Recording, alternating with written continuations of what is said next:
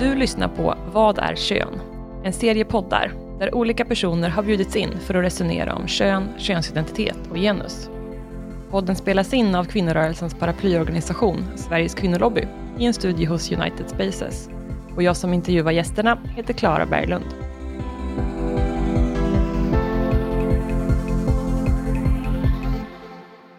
Deidre Palacios är ordförande för RFSL, Riksförbundet för homosexuellas, bisexuellas, transpersoners och queeras rättigheter.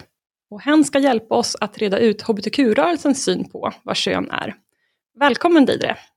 Tusen tack! Vi börjar med den grundläggande frågan. Vad är kön och hur ser RFSL på kön? Ja, det är ju en rätt eh, komplex fråga. Eh, man kan ju titta på kön eh, på olika sätt och vis och det har man ju också gjort genom olika tidsåldrar och, och samhällen. Men så som vi ser på kön idag så kan vi se att det finns ja, men, olika kategorier inom det begreppet.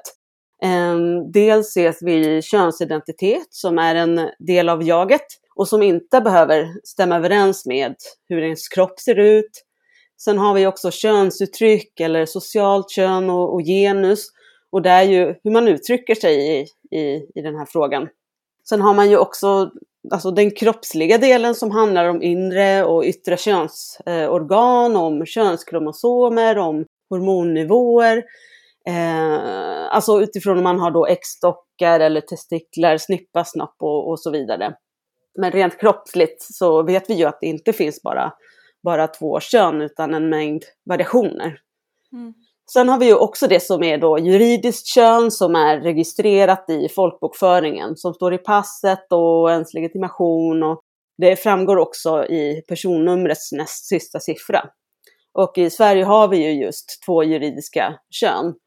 Eh, det finns ju andra länder som har fler juridiska kön som Tyskland och Australien och Sydafrika.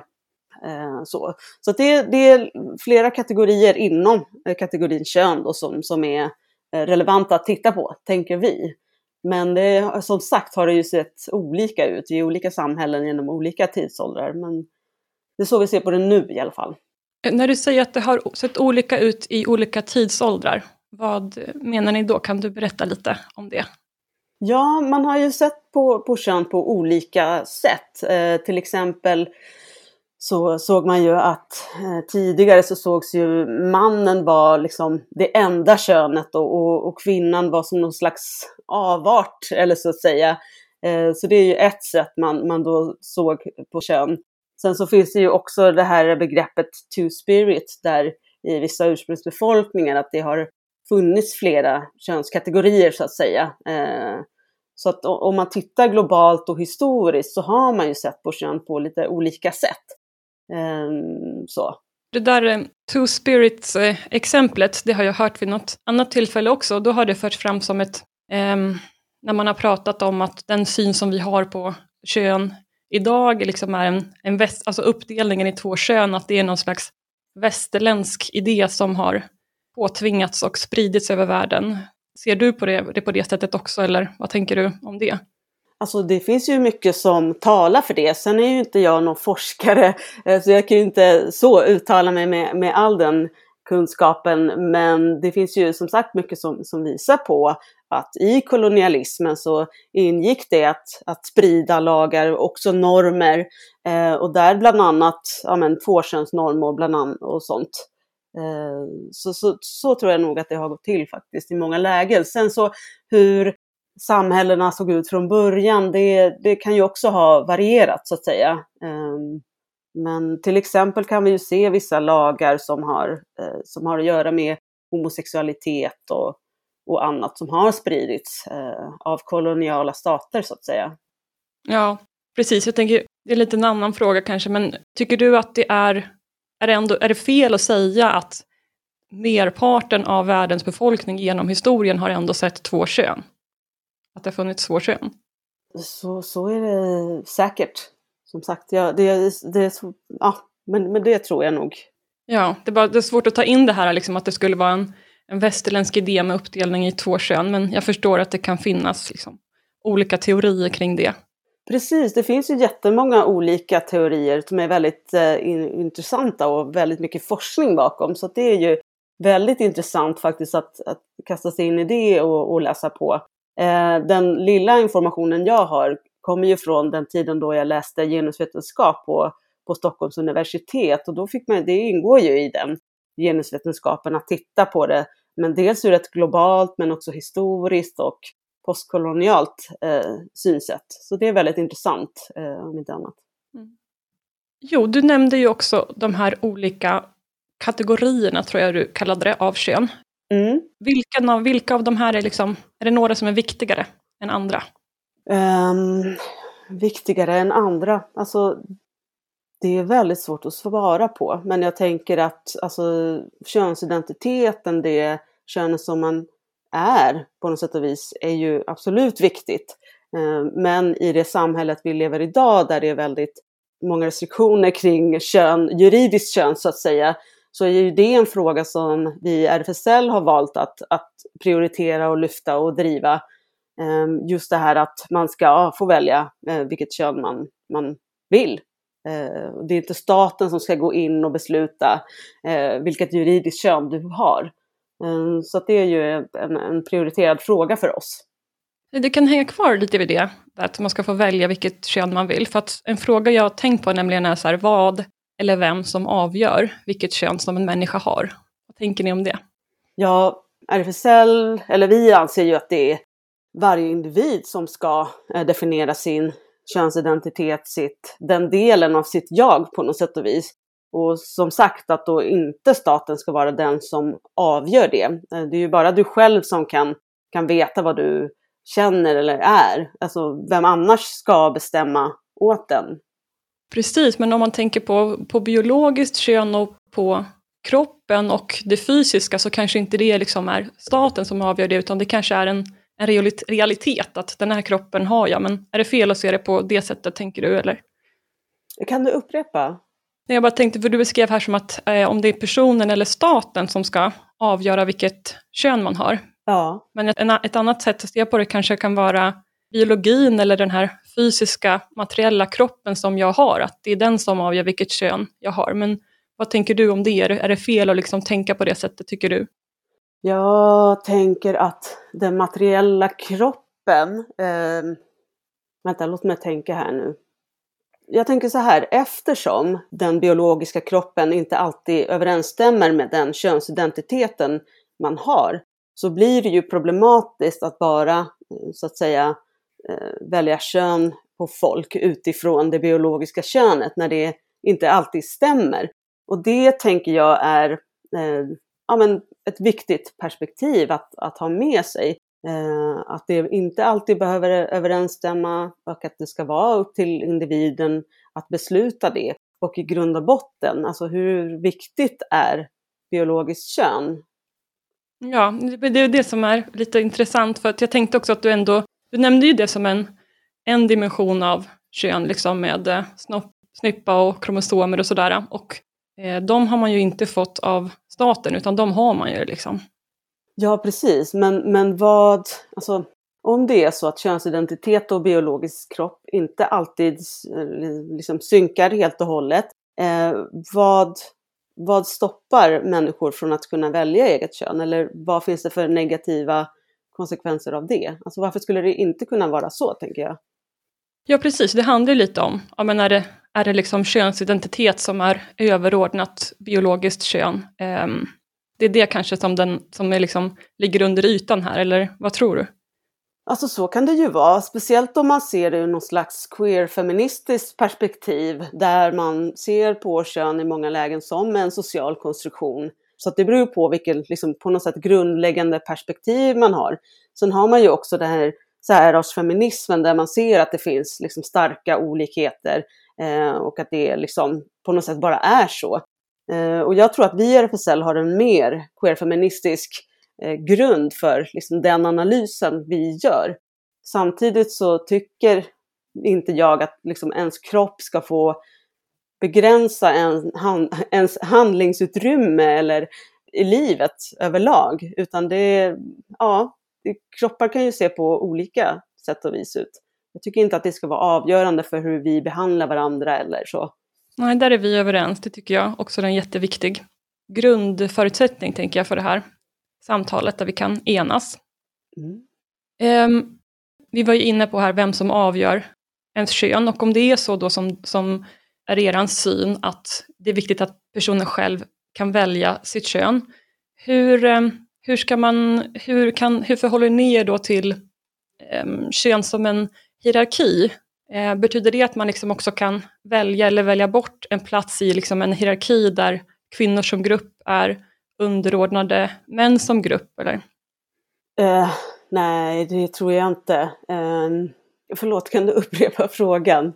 Ja, precis. Alltså det här är så komplicerade saker. Men eh, om man tänker, eh, som jag förstod dig på, liksom att det är viktigt att personer själva ska få definiera sitt kön. Mm. Betyder det då att man också definierar sin plats i en hierarki? Alltså om vi tänker att det finns en, en hierarki i samhället där kvinnor som grupp är underordnade män som grupp. Det finns andra hierarkier och maktordningar också, men om vi tänker att den hierarkin ändå finns och mm. var och en definierar sitt eget kön, betyder det att man också själv definierar var i den här hierarkin som man hamnar? Absolut inte, det, det tror inte jag.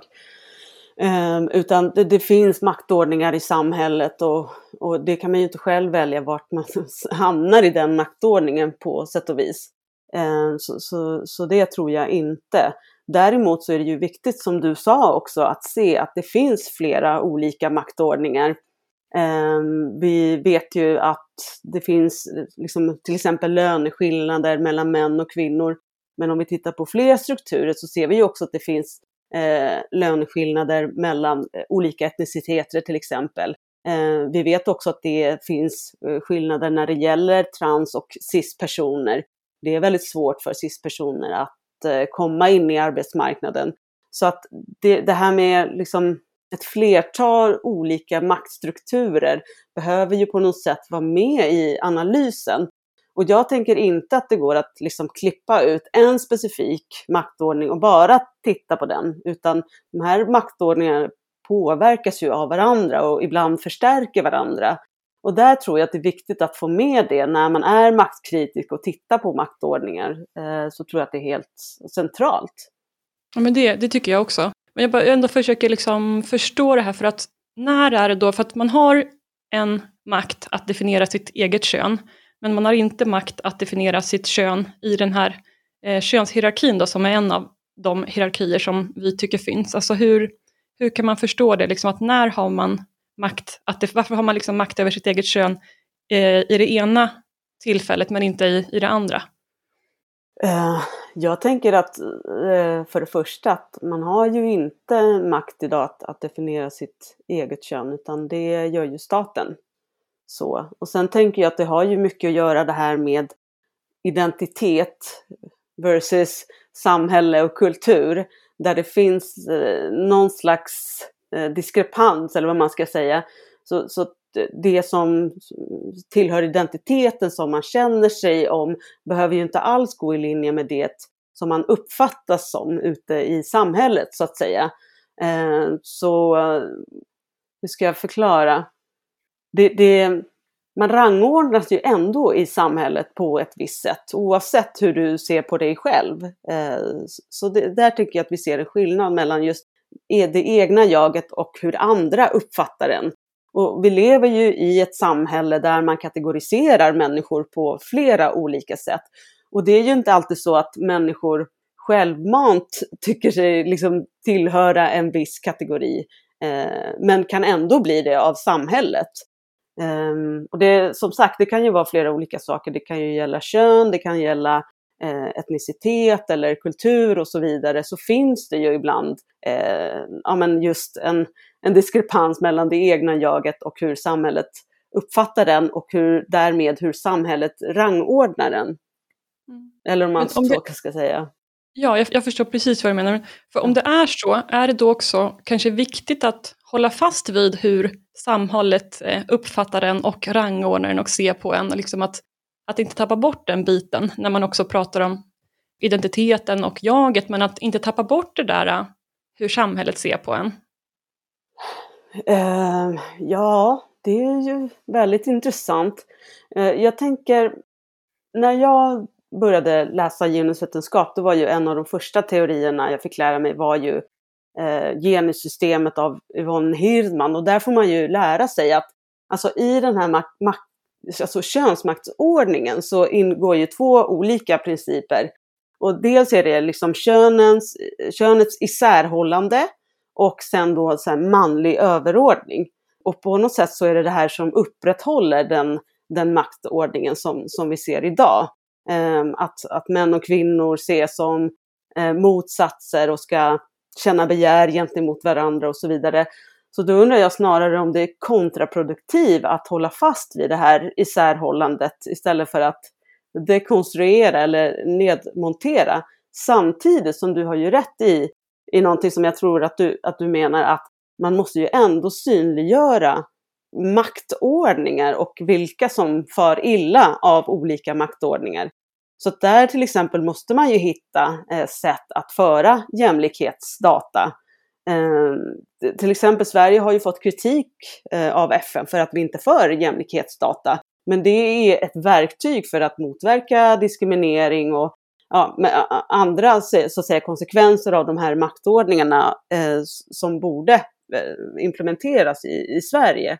Och när det gäller just statistiken kring kön så finns det ju flera olika metoder som man kan använda för att inkludera transpersoner och icke-binära utan att för den delen ta bort det som synliggör eh, könsskillnader. Eh, så det är liksom två viktiga Ehm, principer som man måste ha samtidigt i huvudet på något sätt och vis. Att vi ska nedmontera de här maktordningarna men maktskillnaderna måste alltid belysas. Så.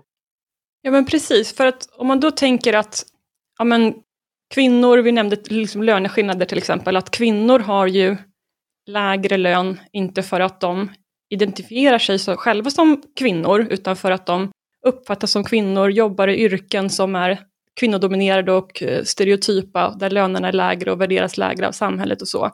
Mm. Att då måste vi ändå liksom mäta och eh, ta fasta på det. Men, men hur ska vi göra det till exempel om då det juridiska könet ska överensstämma med ens könsidentitet eh, snarare än då hur man uppfattas.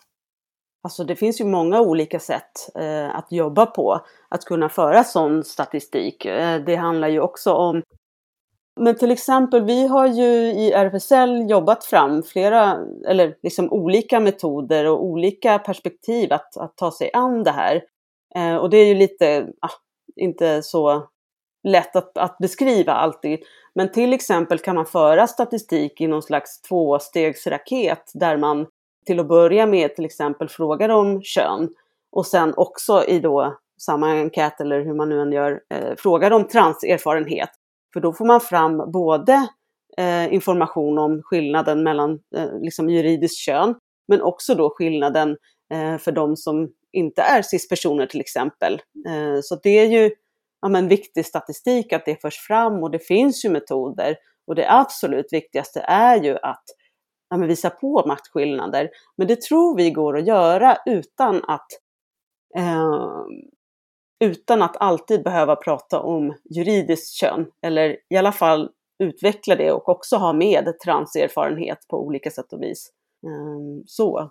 För så tycker ju vi också, liksom att det, man kan ställa eh, frågor om både kön och könsidentitet och det ena perspektivet ska inte ersätta det andra. Mm. Så, och det kan man ju se framför sig i undersökningar, men just det juridiska könet och den här registerbaserade statistiken, den är ju väldigt viktig för att på strukturell nivå upptäcka eh, skillnaden mellan män och kvinnor och analysera dem och så. Mm. så hur ska man göra där, tänker du, med den Eh, jag tänker att man ju kan föra sån eh, statistik. Eh, men en viktig fråga för oss är ju liksom det här att, att man själv får definiera sitt kön eller Eh, så. Ehm, och att det ska vara den egna identifikationen som eh, när man fyller i sådana enkäter eller när man gör sådana eh, registerstudier så måste man ju själv kunna få avgöra vad, vilket kön man är. Det är ju viktigt. Men alltså med det sagt så är ju majoriteten av liksom befolkningen är ju cis-personer. Eh, så det skulle ju bli ganska rättvisande siffror om man gjorde sån undersökning där människor fick identifiera sig själva. Eh, så det finns sätt och metoder att arbeta på eh, som gör att man fortsatt kan belysa eh, skillnader. Och det är ju faktiskt prioriterat att man ska kunna visa på skillnader i olika grupper i samhället, i olika kategoriseringar. Det är ju helt avgörande och grundläggande för arbetet mot, mot diskriminering eller mot eh, ojämställdhet eller ojämlikhet. Så det, ja, det är ett viktigt verktyg. Ja, det är jätteviktigt och jag tror att vår oro kommer väl just av att vi har bara sett de här exemplen på när jämställdhetsperspektivet har försvunnit. Mm. Men det är jättebra att det är liksom ingen av oss vill uppnå det. Nej, herregud nej. Eh, jo, någonting som vi snuddade förbi lite inledningsvis och en sån här fråga som fortsätter att dyka upp. Mm. Det är ju då vad könsidentitet är å ena sidan och vad genus eller könsroller är å andra sidan och vad skillnaden är. Vill du, vill du säga, förklara det, hur ni ser på det? Ja, eh, könsidentitet som jag sa tidigare är ju en del av, av jaget, eh, av den man är helt enkelt. Och eh, ibland så stämmer det ihop med det juridiska eller biologiska könet man har och ibland inte. Ehm, och eh, genus är ju mer, så som vi ser det, har en social dimension till det hela eh, som har att göra med, ja, med samhället i stort, hur, man ser på, på kön och hur du uppfattas ute i, i, i samhället. Så ungefär om man ska förenkla så, så skulle jag beskriva det så. Men är det delvis samma sak, alltså överlappande, eller är det helt skilda saker, könsidentitet och genus? Ja, jag tänker att det, det är olika eh, från person till person, men det kan vara helt skilt åt också. Eh, eller stämma, liksom. men det, det, det, ser nog ganska olika ut, tänker jag.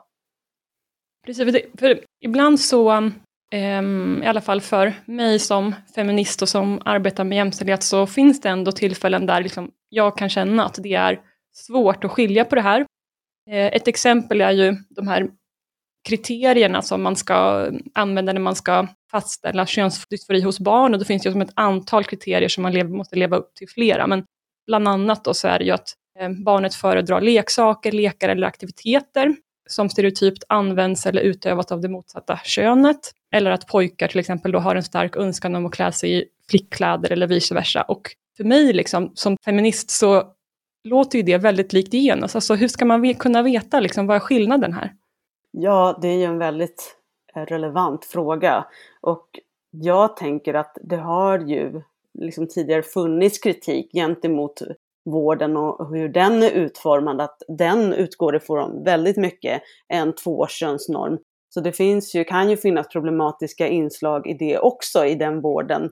Eh, så att självklart måste ju man kan ju inte definiera eh, en flicka utifrån eh, alltså, vilka leksaker den använder, anser jag i alla fall. Eh, så där måste man luckra upp synen på, på könsidentitet och genus, eh, tänker jag. Mm. Mm. Men du delar ändå bilden då liksom att det kan finnas de här utmaningarna där det är svårt att skilja genus från könsidentitet och det kan finnas en risk där att man bekräftar genusnormer i det här arbetet, att det kan finnas sådana tillfällen.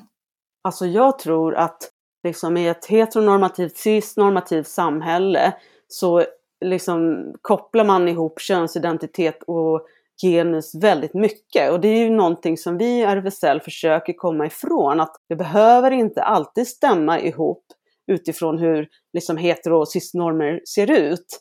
Eh, och, och, och, det är liksom, jag vet inte, en viktig aspekt som, som vi behöver lyfta på olika sätt och vis.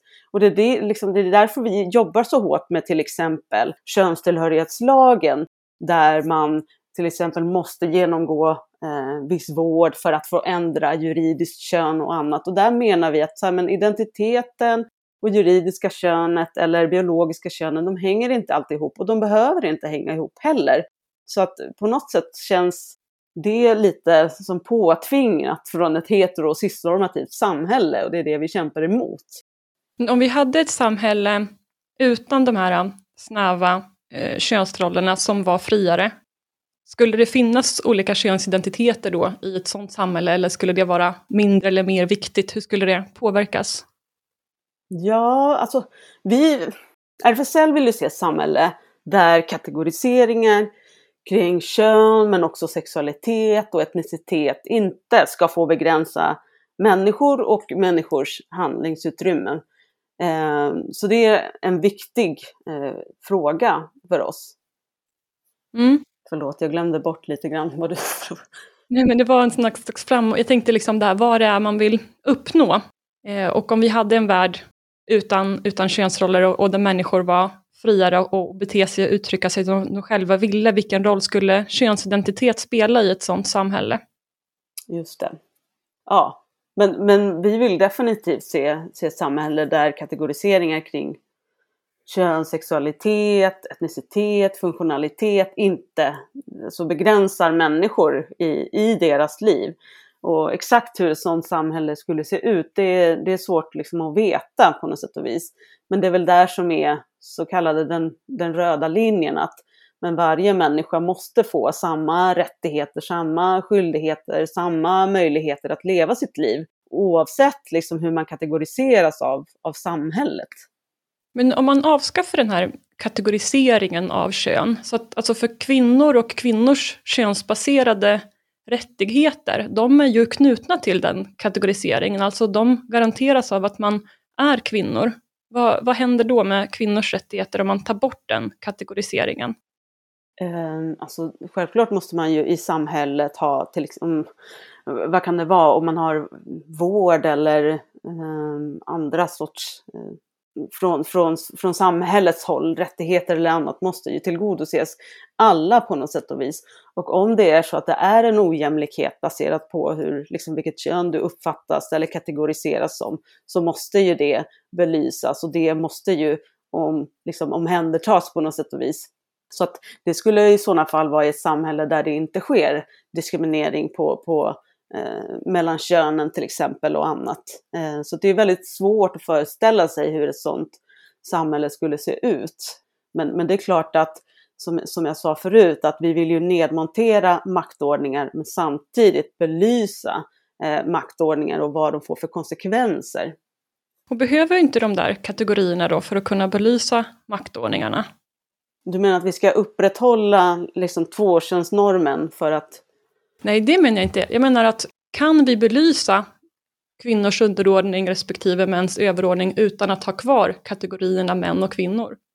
Alltså då får man ju hitta sätt att göra det, men det är ju alltså, högst relevant information som behövs i samhället för att kunna utveckla samhället i stort och för att kunna motverka ojämlikhet och ojämställdhet. Så då eh, får man ju hitta sätt där man kan belysa det här. Mm. Så jag förstår att det här kanske är som är tillspetsat, men ibland när vi pratar så känns det som att så här, ja, men vi vill å ena sidan uppnå samma sak i liksom kvinnorörelsen och eh, RFSL och sen å, å, andra sidan inte eller liksom har en annan väg att komma dit. För ibland känns det som att ja, men vi vill avskaffa könsrollerna och ni vill avskaffa den här könskategorin.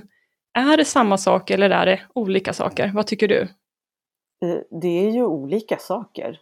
Eh, jag tänker juridiskt kön, eh, det får man ju eh, utifrån liksom det biologiska könet. Könsroller är ju socialt konstruerat. Eller nej, inte jo, det också. Men det är ju en social roll. Så det, ja, det, det är olika saker. Mm.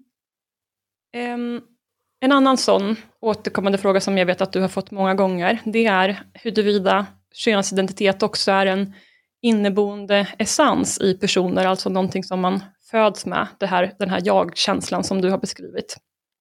Eh, det, det är ju svårt att säga ehm, om det är en eh, inneboende essens. Eh, vi tänker att det inte spelar jättestor roll, men självklart formas ju vi alla av det samhället vi lever i och den kulturen och de normerna och annat. Ehm, men, men alla personers könsidentitet ska ju på något sätt respekteras oavsett om det är en inneboende essens eh, eller inte. Um, och då kan man ju också ställa sig frågan, alltså, för det är en intressant fråga det här, liksom det egna jaget, det identiteten och sen liksom samhället och normer och, och hur man formas utifrån det. Men om man, om man tittar på det liksom ur andra maktordningar är det relevant att fråga om liksom kultur eller etnicitet, är det en inneboende essens? Eller ska vi mer titta på de maktordningar som kategoriserar människor och ger vissa privilegier? Eh, så att det, ja. Men det är väl intressant att veta på vilken grund man diskrimineras och vad det härrör ur. Är inte det viktigt för att kunna bekämpa den, det förtrycket? Så, så, man, så man diskrimineras utifrån sin essens? Nej, men jag tänker, du jämför till exempel med eh, etnicitet, att det är ju jätteviktigt kanske att definiera och mäta varför man utsätts för det här och analysera det för att kunna motverka det. Eh, absolut, alltså det behöver vi ju också eh, statistik på. Um, och där behöver man också, samtidigt som man nedmonterar liksom den rasistiska världsordningen som eh, upprätthåller på något sätt de här kategorierna, samtidigt som man nedmonterar den måste man ju belysa vad det ställer till med och hur vi hanterar det. Så det, är liksom, det ena funkar ju inte utan det andra, utan det måste ju på något sätt ske samtidigt. Jag bara tänker om man, om man jämför liksom att ens eh, etnicitet eller hudfärg, huruvida det är liksom en materiell verklighet som liksom också, Ehm, eller huruvida det är ens identitet. Ja, det är en intressant och väldigt komplex fråga. Och där beror ju på liksom, eh, hur man tittar på det, vilka teorier man utgår ifrån och annat. Men i alla fall när jag läste genusvetenskap så fick man ju till exempel lära sig att vithet är ju eh, beroende på kontexten eh, där du är. Så att det kan ju också variera hur du tolkas i samhället. Eh, till exempel, jag här i Sverige tolkas ju ibland som en eh, person med utomeuropeiskt eh, eh, liksom bakgrund. Medan i liksom mitt och mina föräldrars hemland i Chile, där tolkas ju jag som europe. Så att det här med etnicitet är ju också alltså, baserat på vilken kontext man, man befinner sig i, ja. kopplat till, självklart då till maktordningar. Och på liknande sätt kan man, kan man ju säga att till exempel mina föräldrar från Chile här i Sverige är ju på något sätt underordnade om man tittar på det liksom, eh, utifrån etnicitet och rasism och annat. Men samma sak, åker de till Chile så tillhör ju de liksom majoritetsbefolkningen. Men i, även i Chile har vi ju ursprungsbefolkning. Så där är ju, tillhör ju de liksom en privilegierad kategori. Så att, ja, det, det finns ju flera olika sätt att se på det och man kan konceptualisera och annat. Verkligen, och då är vi, liksom, eh, då är vi tillbaka i det här, eh, den egna identiteten som finns inom en, eh, mm. om det är det, mm. eller om det är då hur man uppfattas av omgivningen eller liksom mm. motsvarigheten till genus och att det där är lite svårt faktiskt mm. att, att särskilja ibland. Mm. Jag tänkte fråga så här, för du nämnde själv tidigare då att RFSL kanske har en mer eh, queer-teoretisk teoretisk syn på liksom att också stå, eh, kön kan vara en social konstruktion. Det krockar ju lite med att det ändå finns då en grupp transpersoner som känner att, eh, att det är viktigt för dem att deras könsidentitet är just en, en essens. Liksom, hur ser du på den krocken och tar ni tillvara båda de perspektiven eller hur förhåller ni er till det? Ja, ehm, för det första så liksom det är mer en, en queer-feministisk syn på heterosexualitet eh, och den så kallade liksom heterosexuella matrisen. Ehm, så. Och sen så den andra delen, alltså det är självklart att, att den identiteten du är ska ju du få vara utan att någon ifrågasätter det, eh, tänker jag. Ehm, så, men det är liksom, är det en del av, av din essens eller är det liksom din identitet eller är det samhälle? Det kan ju vara flera olika på olika sätt och vis, men det är inte alltid relevant. Och det är ju svårt att säga, liksom, vem avgör vad kön är? Det är ju en komplex fråga. Men det viktigaste är att man respekterar den identiteten man har och att individen själv får eh, besluta det och inte staten. Men för jag tänker då att om, man, om det då finns, eh, för visst är det så att det finns ändå en grupp eh, personer som känner att det är viktigt för dem att könsidentiteten är en del av deras essens. Mm. Känner, känner sig inte de att de liksom inte blir respekterade av RFSL när ni också säger att det är en social konstruktion? Eh, det hoppas jag inte eh, att de känner så, utan det är ju inte liksom vår fråga att eh, ifrågasätta eh, någon könsidentitet. Alltså det finns ju en teoretisk del där man kan fundera och filosofera över vad som är kön. Men det är ju alltid personen själv som får eh, avgöra på något sätt och vis. Och det är ju vår ståndpunkt också. Individer ska själva ha makten att avgöra vilket kön de är utan att ifrågasättas. Såklart att vi inte skulle ifrågasätta någons könsidentitet. Så, oavsett vad, vilka, liksom, vad vi filosoferar eller teoretiserar och så vidare. Ja, men jag förstår det. det. Det är skillnad på individnivån och vad man har för teorier på ett övergripande filosofiskt plan. Mm. Det är viktigt att hålla isär så man inte får onödiga, skapar onödiga konflikter som, som inte finns. Men är det annars, skulle du säga, är det viktigt att eh, vara överens i samhället och även inom er rörelse om vad, vad kön är? Ja, alltså det beror ju på hur man menar. Om man tänker rent lagstiftningsmässigt så är det ju viktigt att, att vi är överens. Och vi vill ju till exempel att, att könstillhörighetslagen ska ändras så att det blir en persons självidentifikation som avgör vilket juridiskt eh, kön en person ska ha. Inte staten och inte vården. Eh, så att i, det liksom... Och inte kroppen, eller? Eh, nej, utan det är individen själv som ska få välja. Mm. och, men utifrån det så, liksom, om man inte bara talar liksom lagstiftningsmässigt så finns det ju en hel liksom, massa olika eh, teorier om forskning om vad kön är. Och det är ju en komplex fråga och det går ju inte alltid att få en, en, en samsyn kring det. Men när det gäller just alltså, samhällets reglering eh, genom juridiken, då, där måste vi ju vara mer, mer överens. Ja, men ska vi prata lite mer om det då? Att de här, du nämnde lite kort att ökat fokus på eh, ni vill se att liksom, det ska vara självidentifikation som ska vara avgörande för människors juridiska kön. Och det är ju en, en stor omvälvande samhällsförändring egentligen för alla. Men vill du säga något mer om det och kanske vilka övriga förändringar ni vill se i könstillhörighetslagstiftningen? Ja, eh, vi vill, eh, ja men som sagt att människor själva ska få besluta om sitt juridiska eh, kön på liknande sätt som man till exempel kan anmäla till Skatteverket att man vill byta förnamn. Så man ska inte behöva bli godkänd av vården eller av staten att, att man är trans nog. Och vi vill ju också att uh, unga personer ska få den här rättigheten. Um, sen är det ju en jätteviktig del är ju också, tänker vi då, att införa en tredje könskategori så att även icke-binära, så som jag till exempel, kan få sin könsidentitet eh, erkänd av staten. Du nämnde unga personer här, att det ska vara lättare för att unga eh, att ändra sitt juridiska kön. Mm. Och ni vill även att det ska vara lättare att göra eh, könsbekräftande vård på unga. Liksom, vilka är unga och vad innebär det? Alltså vi tycker ju det är viktigt att alltså, de unga som behöver vård ska få den. Det är ju avgörande på något sätt och vis.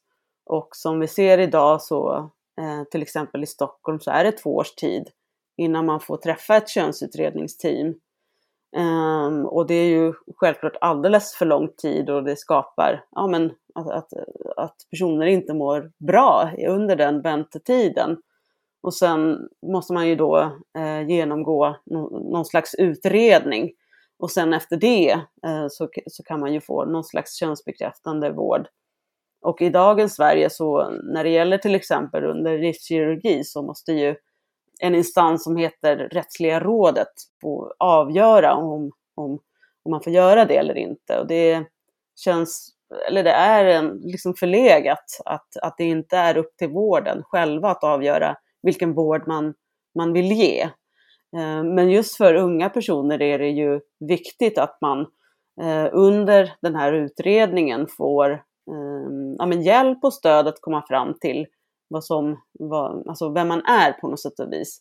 Och det är bara en del av dem som, som går de, de här då utredningarna som faktiskt eh, får diagnosen transsexualism eller, och, och också får eh, könsbekräftande vård.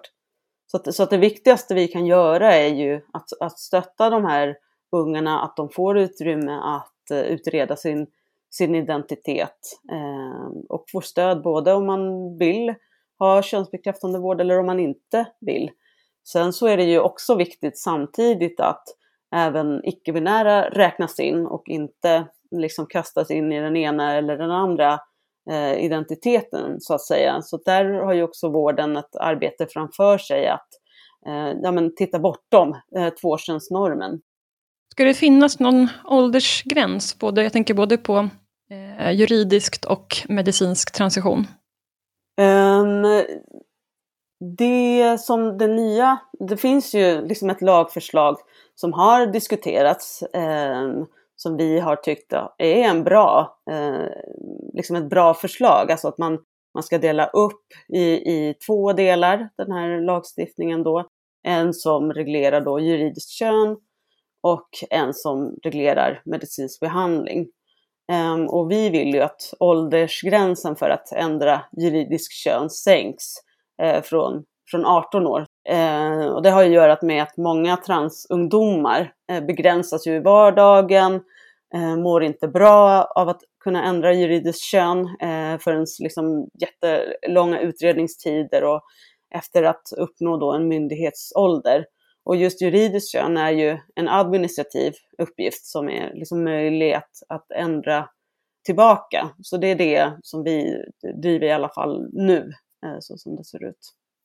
Och när det gäller medicinska ingrepp så finns det väl också ett förslag om att sänka åldersgränsen. Vad, vad tänker ni om det?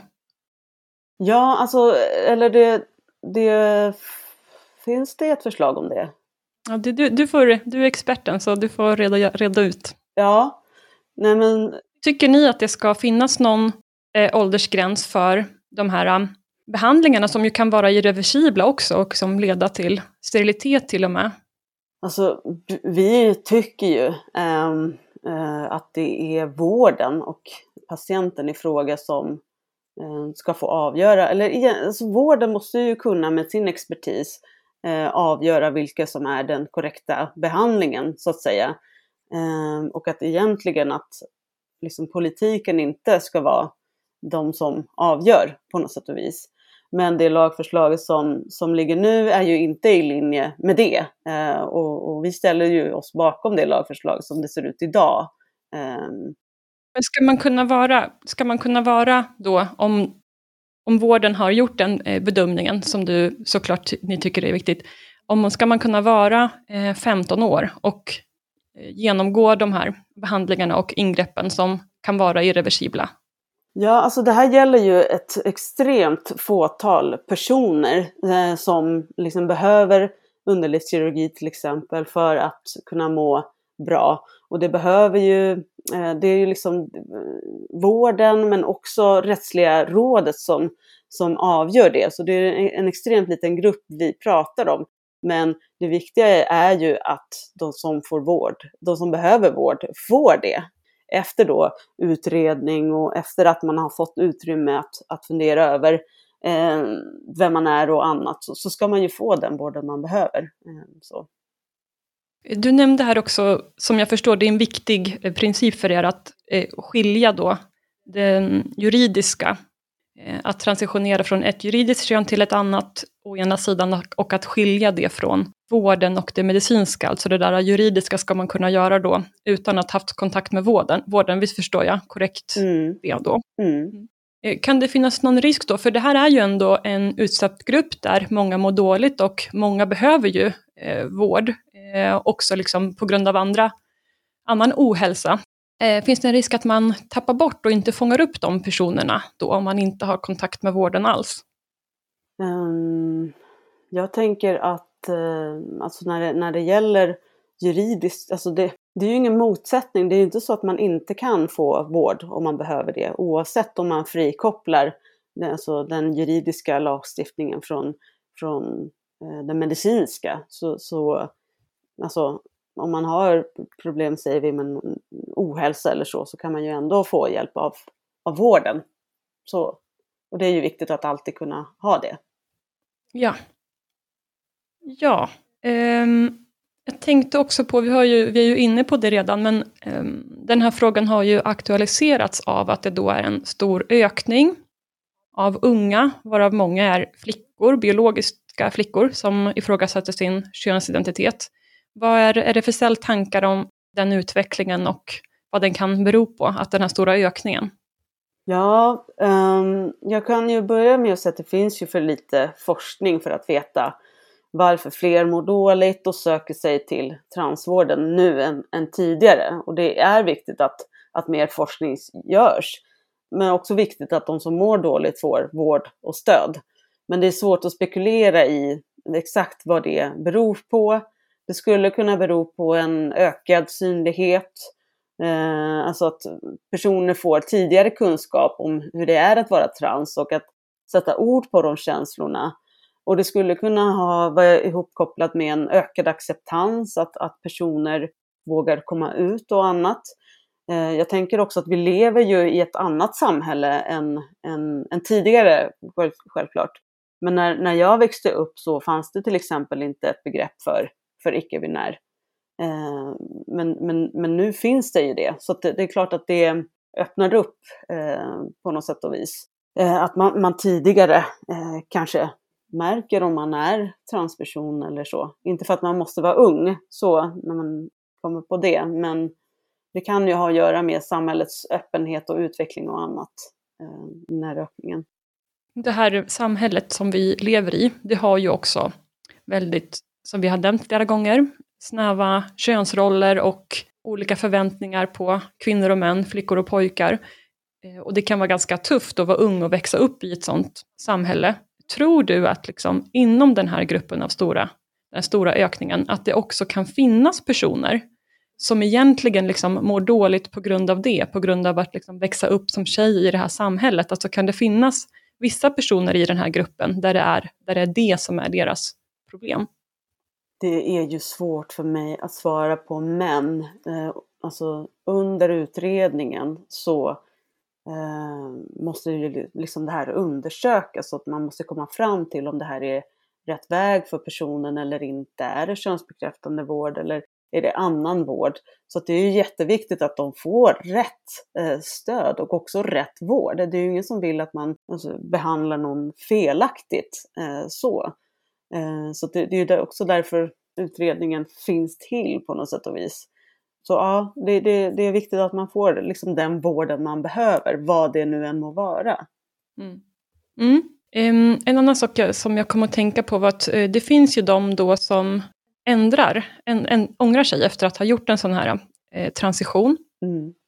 Har ni liksom um, en strategi inom RFSL för att liksom välkomna dem och stötta dem eller vad, ja, vad, vad, gör ni för, för den gruppen? Alltså dels har vi ju eh, vårat, eh, vår verksamhet som heter Transformering som, som riktar sig till eh, transpersoner eller personer med transerfarenhet Eh, där det finns information, där man kan höra av sig och ställa frågor. Eh, så, så på det sättet försöker vi ju fånga upp egentligen alla personer som har en, en transerfarenhet och det, det kan ju röra de här personerna också. Eh, så på, på det sättet jobbar vi med, med det. Mm. Eh, bara tänkte så här, nu har vi ju pratat en stund här. Har du, liksom, vi ska avrunda alldeles strax, men har du någon fråga du skulle vilja ställa till mig eller till kvinnorörelsen? Något medskick till oss, vad vi ska tänka på? Ja, men jag ställer nog frågan, alltså ser till exempel ni eh, transpersoner som ett hot mot eh, den feministiska rörelsen eller jämställdhetsfrågor? Alltså absolut inte personer. Verkligen inte. Eh, däremot så vi att det är viktigt att se att liksom, ofta så går ju, som jag tycker vi har märkt under det här samtalet, att men ofta så går ju liksom jämställdhetsarbetet och arbetet för kvinnors rättigheter hand i hand med transperspektivet. Men att det finns också tillfällen när det står uppstår utmaningar eh, eller konflikter mellan de här perspektiven. Och det har ju vi, tycker vi att det är viktigt att amen, ta de konflikterna på allvar och liksom diskutera kring hur ska vi lösa dem på bästa möjliga sätt.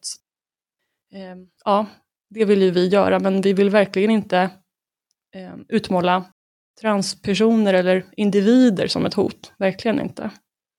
Eh, men, men ni ser på, på kön på ett annat sätt och där biologin ska ha en, en central roll?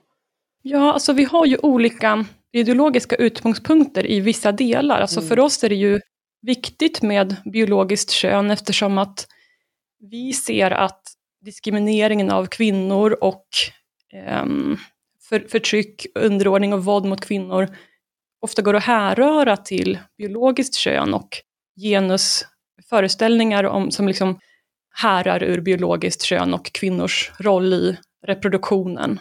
Och då blir det liksom svårt för oss att bortse från det här biologiska könet. Mm. Ja. Så vi, där, där, där har vi liksom olika utgångspunkt. Mm. Det, det har vi. Eh, så. Men eh, ja, vi, vi, kan i alla fall vara överens om att det är viktigt att, be, alltså, att belysa maktskillnader och konsekvenser av olika eh, maktordningar. Ja, verkligen. Det, det, känns som att vi återkommer till makt i det här samhället, och, eller samtalet, och det är våran liksom, käpphäst lite. Mm. Men eh, för en sak jag tänker på kopplat till det är att eh, när man har stort fokus på jag-upplevelsen och att själv ha då makten att definiera sitt kön och så, finns det en risk att det kan bli ett individ och individuellt, individualiserat perspektiv snarare än ett strukturellt perspektiv? Jag tänker att det, när det gäller just makt så är det viktigt att, att ha det strukturella perspektivet med eh, i vilket fall och, och, jag tror att det går eh, att ha de båda perspektiven med. Mm. Mm. Eh, vi ska avsluta här med att du ska få tipsa de som lyssnar om man vill eh, läsa eller lyssna eller titta på någonting eh, där man kan lära sig mer om er syn på kön. Vad vill du tipsa om då? Ja, det finns ju massa att tipsa om. Eh, men jag vill tipsa om transformering som är ja, men en av Verkstads verksamheter riktad till transpersoner eller personer med transerfarenhet. Vi har även ordlistor på vår hemsida men sen kan man också läsa till exempel Könet brinner av Judith Butler eller Vad är queer av Fanny Ambjörnsson. Ehm, vi har också faktiskt nyligen också släppt en, bok som handlar om hundra fel i könets existens. Där vi, ja det, det, det handlar ju mer om den här boken som Kajsa Ekis Ekman har släppt, men där kan det vara intressant. Och sen så finns det ju jättemycket intressant. Feminism utan gränser, intersektionalitet och, och, och massa annat. Då har vi en liten läslista. Vi tänkte länka till lite olika grejer när vi släpper den här podden sen också. Mm. Och sen har vi ju med Kajsa Ekis Ekman i ett eget avsnitt också, så får man okay. lyssna på henne och lyssna på dig och ta del av de här olika perspektiven och, och tänka själv vart man landar när man lyssnar på er. Mm. Men eh, tack så mycket Deidre för att du kunde vara med. Tusen tack.